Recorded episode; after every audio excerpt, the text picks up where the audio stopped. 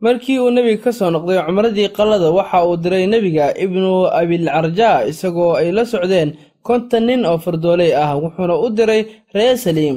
Waxaa ku jiray raggii la diray dhexdooda jaasuus u shaqaynayay qowmkiisii markii ay kontonka nin ka baxeen magaalada madiina. Jaasuuska ayaa markaasi qowmkiisii aaday wuuna u digay iyagana waa ay isu diyaariyeen oo waxay isku diyaariyeen in ay dagaal galaan. Markii kontonkii nin muslimiinta ahaa ay gaareen dhulkii ay degganaayeen reer islaamkii ayay u bandhigeen oo ay ugu yeereen. Waxa ayna dhaheen soo islaama waa ay isweynaysiiyeen kadibna waa ay laayeen intii ugu badneed ciidanka uu madaxda u ahaa ibnu abilcarjaa isagana waa la dhaawacay. Kadibna waxaa soo qaaday intii ka hartay ciidanka waxaana ay ku soo noqdeen magaalada madiinatul munawara oo ahayd xaruntii muslimiinta halkii laga diray ciidankaasi markii hore. Dhacdadani waxay dhacday ama ay ku beegneed bishii safar sannadkii siddeedaad ee hijiriyada khaalid iyo camar soo gelitaankoodii islaamka.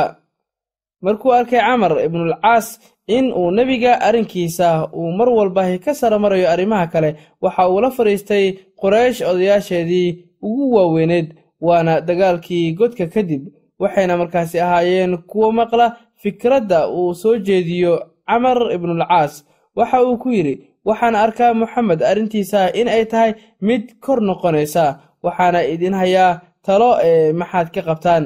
Waxay ku yidhaahdeen waa maxay talada aad soo jeedinayso? Waxa uu yidhi waxaan arkaa in aan u tagno najaashi haddii uu moxamed qoomkeena ka adkaado najaashi agtiisa ayaan markaasi iska joogeynaa sidaas ayuu soo jeediyey oo waxa uu ahaa mid baqaya. Inaan hoos joogno najaashi ayaa ka jecelnahay inaan hoos joogno moxamed waxay dhaheen talo waa tan aad sheegtay ee noo ururi waxaan u hadiyeyno. Dhulkeenna waxa ugu wanaagsan ee aan uga hadiyeyn karno uu isaguna jecel yahay waa haragga haragga ayaan u aruurinay buu yidhi. Kadibna waddada ayaan galnay ilaa aan markaasi u tagnay. Annagoo agtiisa joogna ayaa waxaa u yimid camar ibnu umaya oo uu nebiga u soo diray najaashi si uu markaasi ugala hadlo arrinta jacfar iyo saxaabadii camar. Oo ahaa saxaabigii uu soo diray nebiga ayaa u galay najaashi. Kadibna wuu ka soo baxay. Markaasaa waxaan ku yidhi saaxiibaday buu yidhi.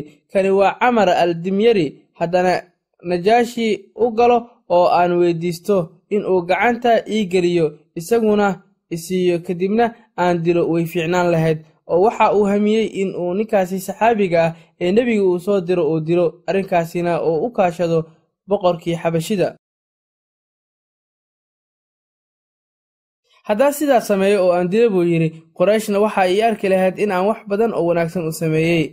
Haddiiba aan dilo maxamed ninkii uu u soo diray waana u galay buu yidhi boqorkii najaashi waan u sujuuday sidii aan samayn jirayba. Wuxuu igu yidhi soo dhowow saaxiib wax hadiyad ah waddankaagii ma iiga keentay. Waxaan ku yidhi haa boqorow harag tiro badan kadibna waan u dhoweeyey wayna cajab gelisay. Kadib ayaa waxaan ku yidhi buu yidhi waxaan arkay nin qasrigaaga ka soo baxay waxaana soo dirsaday ninka nin cadow aynu nahay. Ninka aniga si aan dilay baan ku yidhi buu yidhi waayo ninka waxa uu naga dilay. Dadkeenii kuwoogii ugu sharafka badnaa iyo akhyaarteennii markaasuu carooday boqorkii najaashi ahaa. Sanka ayuu iska garaacay ilaa aanba uga maleeyey inuu iska jebiyey. Xaaladda markii aan ku sugnaa haddii dhulka la ii jeexi lahaa cabsida aan qabo awgeed waa geli lahaa intaa kadib waxaan ku yidhi boqorow alle ayaan ku dhaartay haddaan ogaan lahaa inaadan jeclaysanayn hadalkaasi kumaan dhaheen. Wuxuu boqor najaash yidhi ma waxaad i weydiisanaysaa inaan kuu dhiibo nin uu soo dirsaday nin uu ku soo degayo kheyrwadihii ku soo degi jiray nebi muuse calayhi salaam? Waxaan ku yidhi boqorow ma sidaas baa ninka. Wuxuu igu yidhi hooge camarow italayeel ee ninka raac alle ayaan ku dhaartay wuxuu ku sugan yahay xaq cid kasta oo ka soo horjeesatana oo khilaaftana waa uu ka adkaan doonaa siduu uga adkaaday nebi muuse calayhi salaam fircoon iyo ciidankiisiiba. Waxaan ku yidhi ma waxaad igula ballangelaysaa in aan islaamka galo? Waxa uu igu yidhi haa. Kadib gacantiisii ayuu ii soo taagay. Waxaan kula ballamay islaamka. Kadibna asxaabtaydii ayaan u soo baxay iyadoo uu xaalkaygu isbeddelay inaan islaamayn waa ka qariyay nebiga ayaana soo aaday. Waxaan la kulmay khaalid ibnu weliid xilligaana furashadii maka wax yar ka hor ayay ahayd. Khaalid markaa waxa uu ka yimid maka waxaan ku yidhi abaasalmaanow waa xagge. Wuxuu igu yidhi waa kala baxay warkii nin yahow ninkuna waa nebi ee orodoo soo islaam. Waxaan ku yidhi amba wax kale umaan iman madiina madiine ayaan wada aadnay markaasi. Markii aan madiine galnay ayaa waxaa ku hormaray nebiga sala allahu caleyh wasallam khaalid bin weliid wuuna islaamay. Kadibna aniga ayaa nebiga u dhowaaday waxaan ku yidhi rasuulkii allow waxaan kugula ballamayaa in lii dembi dhaafo wixii horay igaga dhacay. Mana sheegayo wax dambe. Rasuulkii alleh sala allahu calayhi wasallam oo markaasi ay ku soo hor islaameen labadaasi nin ayaa waxa uu yidhi markii uu sidaa camar yidhi kadib nebiga ayaa waxa uu yidhi camar keliya islaamka soo gal oo qaado waayo islaamka ayaa baabi'inayo wixii isaga ka horreeyey. Hijraduna waxay baabi'inaysaa wixii ka horreeyey.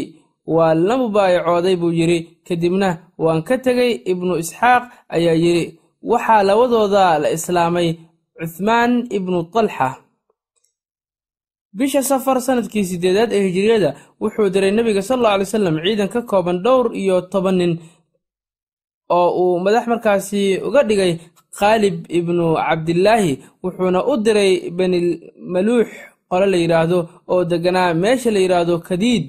Kamiin ayay markaasi u dhigeen waxayna weerareen aroor hore kadibna markay ka guulaysteen waxay ka soo kaxaysteen geela wayna la soo noqdeen bishii mawliidka isla sannadkii siddeedaad ee hijiriyadana waxa uu kacab bin cumeer uu madax uga dhigay ciidan. Wuxuu ka koobnaa ciidanka shan iyo toban nin waxayna ku wajahnaayeen daatu adlaax oo markaasi ka tirsan shaam waqooyiga ardulqura wuu u digay qoomka waxay ku yimaadeen ayagoo fardo saaran waa la hareereeyey waana la laayay waxaana soo noqday cid u sheegta nebiga waxa dhacay. Wuxuu kaloo rasuulka sala allahu caley wasalam uu diray ciidan ka kooban labaatan iyo afar nin oo uu madax uga dhigay shujaac ibnu wahab kuwaasoo loo diray in ay is-urursatay oo reer hawaasin ah. Waa ay weerareen waxayna ka soo qaateen qaniimo fara badan iyo dad fara badan oo ay ka soo qabsadeen. Shan iyo toban maalin kadib ayayna u soo noqdeen magaalada madiina raadkooda waxaa ku yimid wafdi ka tirsan qoomka waxayna iclaamiyeen in ay soo islaameen. Nebiga waxa uu u celiyey xoolihii iyo dadkii laga soo qabtay. Dagaalkii mu'ta. Nebiga waxa uu warqad u diray boqorkii basra ugana dhiibay xaaris ibnu cumayr. Xaaris markii uu ku degay mu'ta oo ah tuulo iska yar waxaa soo weeraray shuraxbiil ibnu camar ninka la yidhaahdo waa uuna dilay. Caadaduna waxay ahayd in ninka la soo diray in aan la dilin oo la nabadgeliyo. Nebiga wuu carooday aad ayuuna u carooday. Wuxuuna diyaariyey ciidan tiradiisu ay gaarayso ilaa iyo saddex kun oo nin. Wuxuuna madax uga dhigay saddexdaasi kun oo nin zayd ibnu xaarisa. Wuxuuna yidhi haddii uu dhinto zayd jacfar haddii uu jacfar dhinto oo la dilana cabdulaahi ibnu abi rawaaxa. Waa markii ugu horreysay oo uu magacaabay ku-xigeenno nebiga sala allahu calayhi wasalam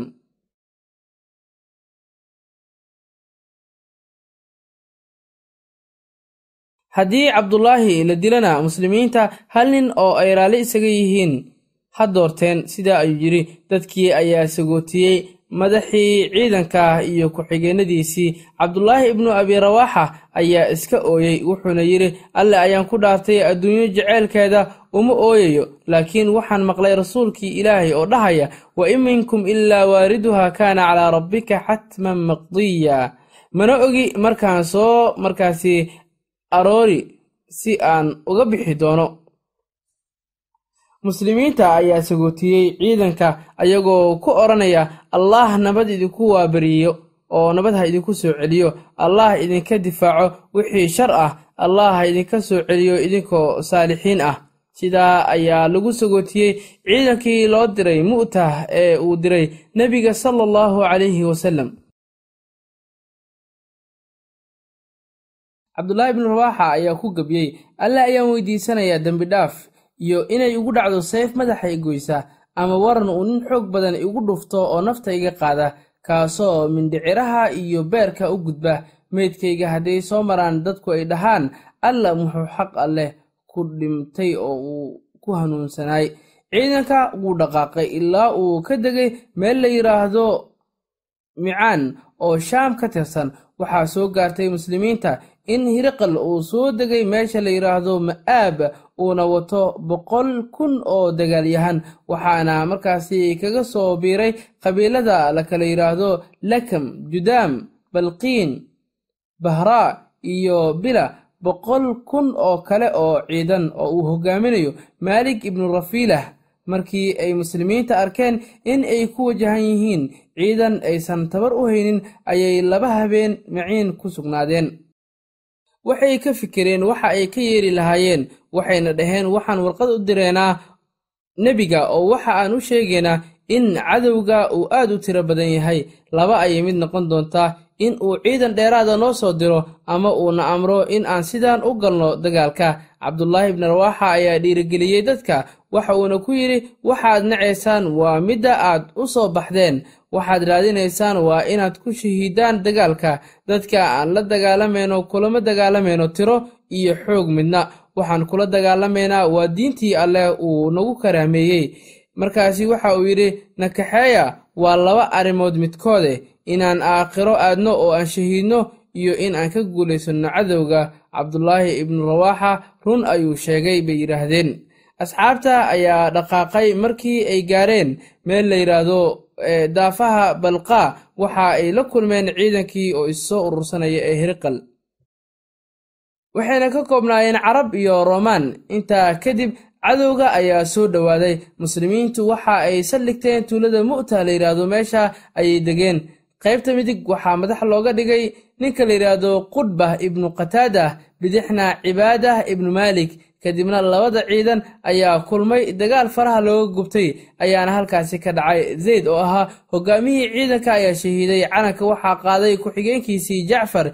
Ciidanka ayuu ku dhex jiray faraskiisii ayaana la buqna jaray. Kadibna waa uu dagaalamay ilaa uu alle uu ka markaasi oofsaday oo uu shahiiday isagoo kuna shiideynaya oo dhahaya alla fiicnaan badanaa jannada iyo dhowaashaheeda wanaag badanaa cabitaankeeduna qabooba ruum waa ruum oo cadaabkeedii ayaa soo dhowaaday waa gaalo nasabkoodu uu fog yahay. Sidaa ayuu ku gabyey markii uu shahiidayey ibnu hishaam ayaa wariyey in jacfar uu calanka midigta ku qaaday la jaray kadibna bidix laga jaray sidoo kale ilaa uu markii dambe ku qabtay cukuradiisa. Saddex iyo soddon jir ayuu ahaa markuu dhimanayey alle ayaa ku abaalmariyey laba garab uu ku duulayo jannada dhexdiisa meeshuu doonana uu ku aadayo. Ibnu hishaam sidoo kale waxa uu wariyey in hal darbo lagu dhuftay taasoo laba u kala jirtay jacfar wuu shahiiday isagoo ay ku taalo jirkiisa sagaashan iyo dhowr fallaarood iyo seef. Calanka waxaa la wareegay cabdulaahi ibnu rabiixa oo markaasi faraskiisii dul saaran. Waxa uu yidhi cabdulaahi nafey waxaan ku dhaartay dagaalka inaad gasho. Si raalli aad ku tahay ama si aad raalli ku ahayn. Dadka markii buuqaan ama ay qeylada badiyaan maxaa ku arkayaa adoo nacaya jannada. Ma waxaan biyo ahayn ayaa tahay.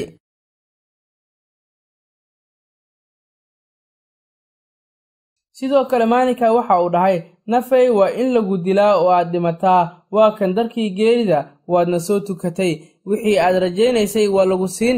Haddaad waxay sameeyeen samayso waad hanuuntay. Intaa kadibna goobta dagaalka ayuu isgeeyey wuuna dagaalamay ilaa uu ka shahiiday.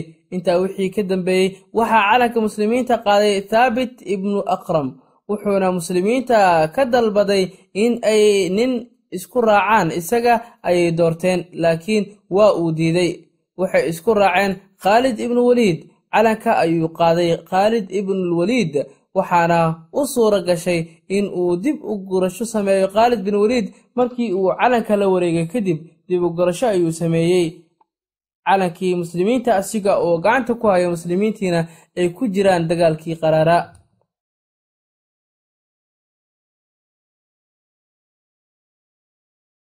Waxa uu ahaa khaalid hogaamiye xigmad badan oo garanaya siduu u dagaalamo iyo goorta uu dagaalamo. Sidoo kale garanaya goorta ay lagama maarmaan tahay in uu dib u gurasho sameeyo wuxuuna qiimeeyey in uu ku khasaarayo dagaalka ayna tahay sidii markaasi loogu talagalay si ka duwan. Si deg deg ah ayuu qorshe ku dejiyey wuxuuna u tusiyey roomaanka in ay helay gurmad aad u tiro badan isagoo dib u gurasho sameynaya sida dhabta ah.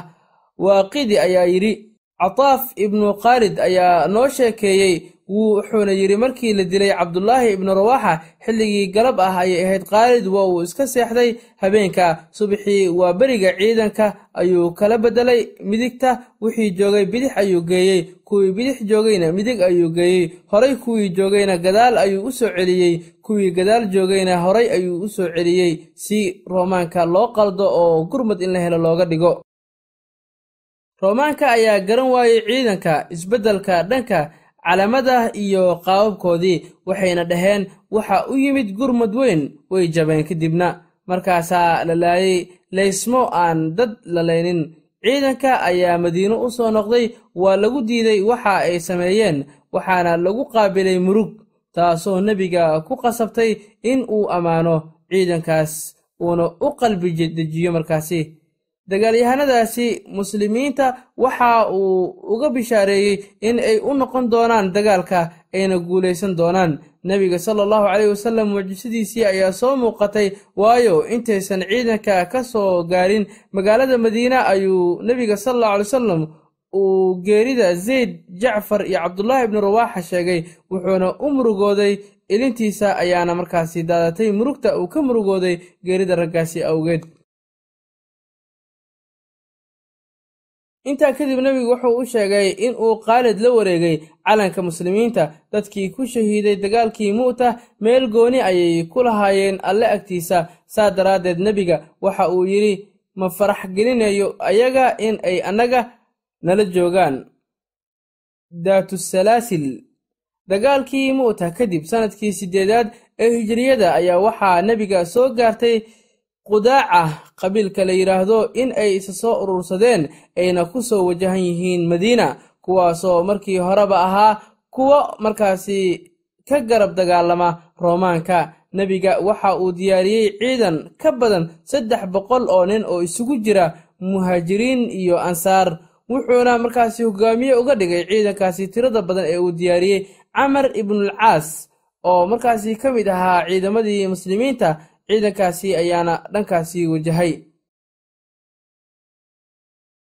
Hadafka camar loo diray ayaa waxa uu ahaa in la jirdasiibo khatarta qudaaca wuxuuna amray nebiga in uu markaasi u galabsado lafo ka mid ah qudaaca gaar ahaan ree abtigii ilaa uu isku dayo in uu dhanka muslimiinta u soo dumo. Qabiilada laysku yidhaahdo cudrah iyo balqiin inuu markaasi u kaashado la dagaalanka qudaaca ciidanka ayaa dhaqaaqay ilaa uu ka gaaray biyaha salaasil la yidhaahdo oo ku yaalla juthaam camar ibnulcaas waxaa soo gaaray in ay aad u tiro badan yihiin reer qudaaca nebiga ayuuna gurmad ka dalbaday oo si deg deg ah ayuu u soo diray rafiic ibnu mukayf si uu warkaasi nebiga u gaarsiiyo. Nebiga ayaa gurmad ahaan waxa uu ugu soo diray laba boqol oo muhaajiriin iyo ansaar isugu jirta ayna ka mid yihiin abubakar iyo cumar. Wuxuu labadaas boqol hogaamiye uga dhigay abuu cubayda labadoodana tale ay ka qaataan ayaa gudaha u galay dhulkii ay degganaayeen reer qudaaca. Way kala carareen ciidankana waxaa u suura gashay in ay markaasi la soo noqdaan haybaddoodii dagaalkii mu'ta kadib oo halkaasi ayay ka soo laabteen. Furashadii maka xabad joojintii ay muslimiinta la galeen quraysh waxay u suura gelisay in ay ka soo takhallusaan yahuudda ciidan ahaan madiina gudaheeda iyo dibaddeedaba sidoo kalena waxay u suura gelisay muslimiinta in ay qabsadaan qabiilada waqooyiga madiina degganaa ilaa laga gaaro markaasi xuduudda ciraaq iyo shaam oo muslimka halgan adag ayuu galay. Fursaddaasina waxa uu kaga faa'iidaystay nadiifintii yahuudda iyo deegaanadii kale ee ku hareeraysnaa magaalada madiinatul munawara halkaasoo ahayd saldhiggii muslimiinta. Islaamkana wuxuu ku faafay qabiilada carabta oo dhan. Muslimiintana waxay noqdeen xoog wax u babacdhigaahi aanay jirin. Muslimiinta waxa kale oo u haray ma jirin oo aan ka ahayn in ay furtaan maka magaaladaasoo ahayd meeshii uu islaamka ka soo ifbaxay uuna ku jiray islaamka faafidda uu islaamka ku faafay qabiilada carabta dhexdooda ayaa waxa uu sababay in ay kala tagaan in ay hal arrin isku raacaanna waa ay ku adkaatay tusaale ahaan quraysh maysan lahayn oday ay isugu yimaadaan oo isku raacsan yihiin oo u jaheeya hal dhinac oo keliya oo waxay ahaayeen dad markaasi arrintaa ku kala qaybsamay. Gaalada ayaa waxaa ka mid ahaa qaar mayal adag oo ku baaqa in muslimiinta lala dagaalo si kastoo ay ahaato oo xaalku uu noqdo iyo mid dhexdhexaad ah oo u arkayay markaasi in dagaalka uu dhibaato u keenayo beesha qureysheed quraysh waxay fulisay xabad joojintii muddo sannad iyo bar ah kadibna waxay gashay qalad aad u weyn oo ahaa in ay garab istaageen reer banu bakar oo la dagaalamayay reer khusaaca oo muslimiinta isbahaysi kula jiray. Waxaana ka taliyey arrinkaasi kooxda mayalka adag oo uu hogaaminayey cikramah ibnu abijahal waxay ku taageereen markaasi ciidan iyo hub. Ree banubakar ayaa si kadis ah weerar ugu soo qaaday reer khusaaca ragna waa ay markaasi ka laayeen. Xoolana waa ay ka qaateen. Reer khusaaca waxay magan galeen kacbada laakiin reer banubakar maysan ogolaanin oo way ka daba tageen ayagoo ku kala cad in ay ka takhallusayaan ayayna wacad ku galeen oo ay ku ballameen. Sidaas ayay yeeleen ree banubakar oo waxa ay ahaayeen kuwo weerarkoodii sii xoojiyey. Maysan u aabo yeelin heshiiskii xudaybiya sidaa ayayna ku noqotay qoraysh mid jebisay xabad joojintii iyaga iyo markaasi ciddii isbahaysiga kula jirtay oo dhinac ah iyo muslimiinta iyo ciddii isbahaysiga kula jirtay oo dhinaca kale ah. Madiine waxaa soo gaaray falka kadib camar ibnu abisaliim oo wada warka burinta xabad joojinta markuu madiine yimid masaajidka ayuu horay ka aaday wuxuuna uga sheekeeyey nebiga iyo asxaabta wixii qusaaca ku dhacay oo ay ku sameeyeen banubakar iyo quraysh iswata maka gudaheeda iyo dibaddeedaba waxa uuna markaasi ku gabyey allow waxaan muxamed ugu yeeray isbahaysigii ka dhexeeyey aabbayaasheen ee hore. Waxaad ahaydeen dad la dhahay annagana waalid ayaan idiin ahayn. Waan islaamnay kamana bixin doonno islaamka. Allaha ku hanuuniye noo gargaar. Una yeer addoommada ilaahay hanoo gurmadeene iyadoo uu rasuulkana ka mid yahay ayagoo ah ciidan sida badda oo kale ah.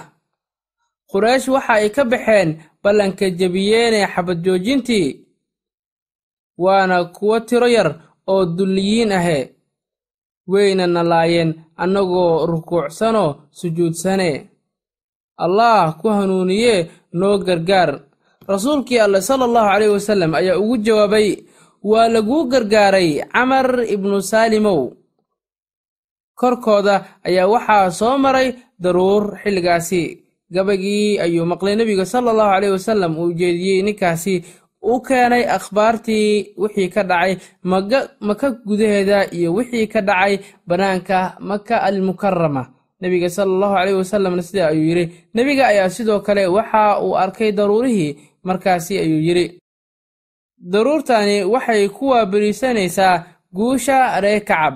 Intaa kadib waxaa soo galay magaalada madiina badiil ibnu warqa isagoo ay la socdaan koox qusaac waxayna nebiga uga warrameen wixii ka dhacay gaar ahaan in reer bani bakar ay kaga daba yimaadeen xaramka dhexdiisa ayna ku dhex laayeen markaasi. Qusaacana ragga laga laayay uu gaarayo ilaa labaatan nin qorayshna ay garab taagneed bani bakar ayna hormuud u ahayd qoraysh odayaasheedii safwaan ibnu umaya shaybah ibnu cuthmaan iyo suhayl ibnu camar ayaa ka mid ahaa raggii hogaaminayey waxayna ku kalaamayeen ama ku kaalmeynayeen hub iyo addoommo. Nebiga waxa uu u diray quraysh fariin isagoo kala dooransiinaya laba arrimood. In ay dhiibaan raggii laga laayay qusaaca diyadooda ama ay beri ka noqdaan reer bani bakar haddii labada ay mid dooran waayaanna ay arrinka saddexaad noqon doonto dagaal laakiin quraysh madax adeegeeda ayaa ka dhigay mid doorata dagaal. Kadib ayay isku laabteen wayna ka shalaayeen waxa ay sameeyeen si ay markaasi uga soo noqdaan. Falkoodii xumaa waxay soo direen abu sufyaan badiilna waxa uu u noqday maka rasuulka ayaa yidhi markii uu arkay abu sufyaan waxaan u malaynayaa abu sufyaan in uu doonayo in uu heshiiskii adkeeyo uuna markaasi dheereeyo wakhtigiisii badiil iyo dadkii la socday ayagoo u sii socda maka ayaa waxay la kulmeen abu sufyaan markaasuu weydiiyey. Badiilow xaggeed ka timid isagoo qiyaasay in uu madiine ka yimid. Badiil ayaa yidhi khusaaca ayaan kula baxay waddadan xeebta waana ka soo noqday. Waxa uu yidhi abu sufyaan moxamed maadan u tegin miya? Su'aashaasi ayuu weydiiyey. Wuxuu yidhi maya wuuna iska sii socday badiil. Abu sufyaan ayaa yidhi badiil haddii uu ka yimid madiine gaadiidkiisii waxay soo cuneen timirta magaalada madiina. Markaasuu raadiyey halkii gaadiidkiisii ay fadhiisteen digada ayuu soo qaaday wuuna burburiyey wuxuuna ku arkay midhaha madiina. Markaa ayuu yidhi alle ayaan ku dhaartay badiil waxa uu ka yimid madiina. Abu sufyaan socodkiisii ayuu sii watay waxa uuna soo gaaray madiina kadibna waxa uu u tegey gabadhiisa ummu xabiib ah markuu damcay in uu ku fadhiisto firaashkii nebiga ayay ka duubatay. Waxa ayna ku tiri waxa uu ku yidhi gabadhaydii ma garanayo ma waxaad ii necbaysatay in aan ku fadhiisto firaashkaasi mise waad ii diidan tahay in aan ku fadhiisto firaashka? oo ma firaashka ayaa fadilaysaa mase aniga sidaas ayuu ula jeeday. Waxay ku tiri waa firaashkii nebiga sala allahu calayhi wasalam adna waxaa tahay nin gaal ah oo nijaas ah. Marka waxaan necbaystay bay tiri firaashkii nebiga alleh inaad ku fadhiisato waxuu ku yidhi allah ayaan ku dhaartay waxaa ku helay gadaashaydii shar kadibna waa uu ka tegey wuxuuna u tegay rasuulka sal allahu aley wasalam wuu la hadlay umuusan jawaabin. Waxa uu u tegey abubakar waxa uu ka codsaday in uu kala hadlo nebiga. Abuubakarna waxa uu yidhi ma samaynaayo. Waxa uu u tegey cumar waxa uu la hadlay cumar waxa uuna yidhi ma waxaan kaaga ergeynaa rasuulka sala allahu calayhi wasalam intaa kadib waa uu baxay wuxuuna u tegey cali bin abi taalib oo ay la joogto xaaskiisii faatima bint rasuulillaahi sala allahu calayhi wasalam oo ah inantii nebiga sala allahu calayhi wasalam cali iyo faatimo oo meeshii wada jooga ayuuna u tegey ninkii markaasi kadib markii uu nebiga la hadli waayey abubakar iyo cumarna ay war ka soo diideen. Halkaasi ayuu maciin biday waxaana markaasi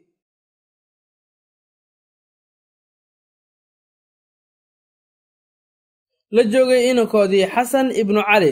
Waxa uu yidhi abu sufyaan caliyow waxaan kugu imid dan anoo jabsan waa kuu imid. Haddaba adoon arrinteeda ii samaynin hay celinin ergo iigu noqo nebiga sala allahu calayhi wasalam waxa uu yidhi hooge nebiga wuxuu go'aansaday arrin mana awoodo in aan nebiga ula tago oo ergo aan kaa naqdo. Intaa kadib waxa uu fiiriyey faaduma bintu rasuulillaahi sala allahu caley wasalam wuxuuna ku yidhi muxamed gabadhiisiiyey ma laga yaabaa inuu wiilkaagan yar.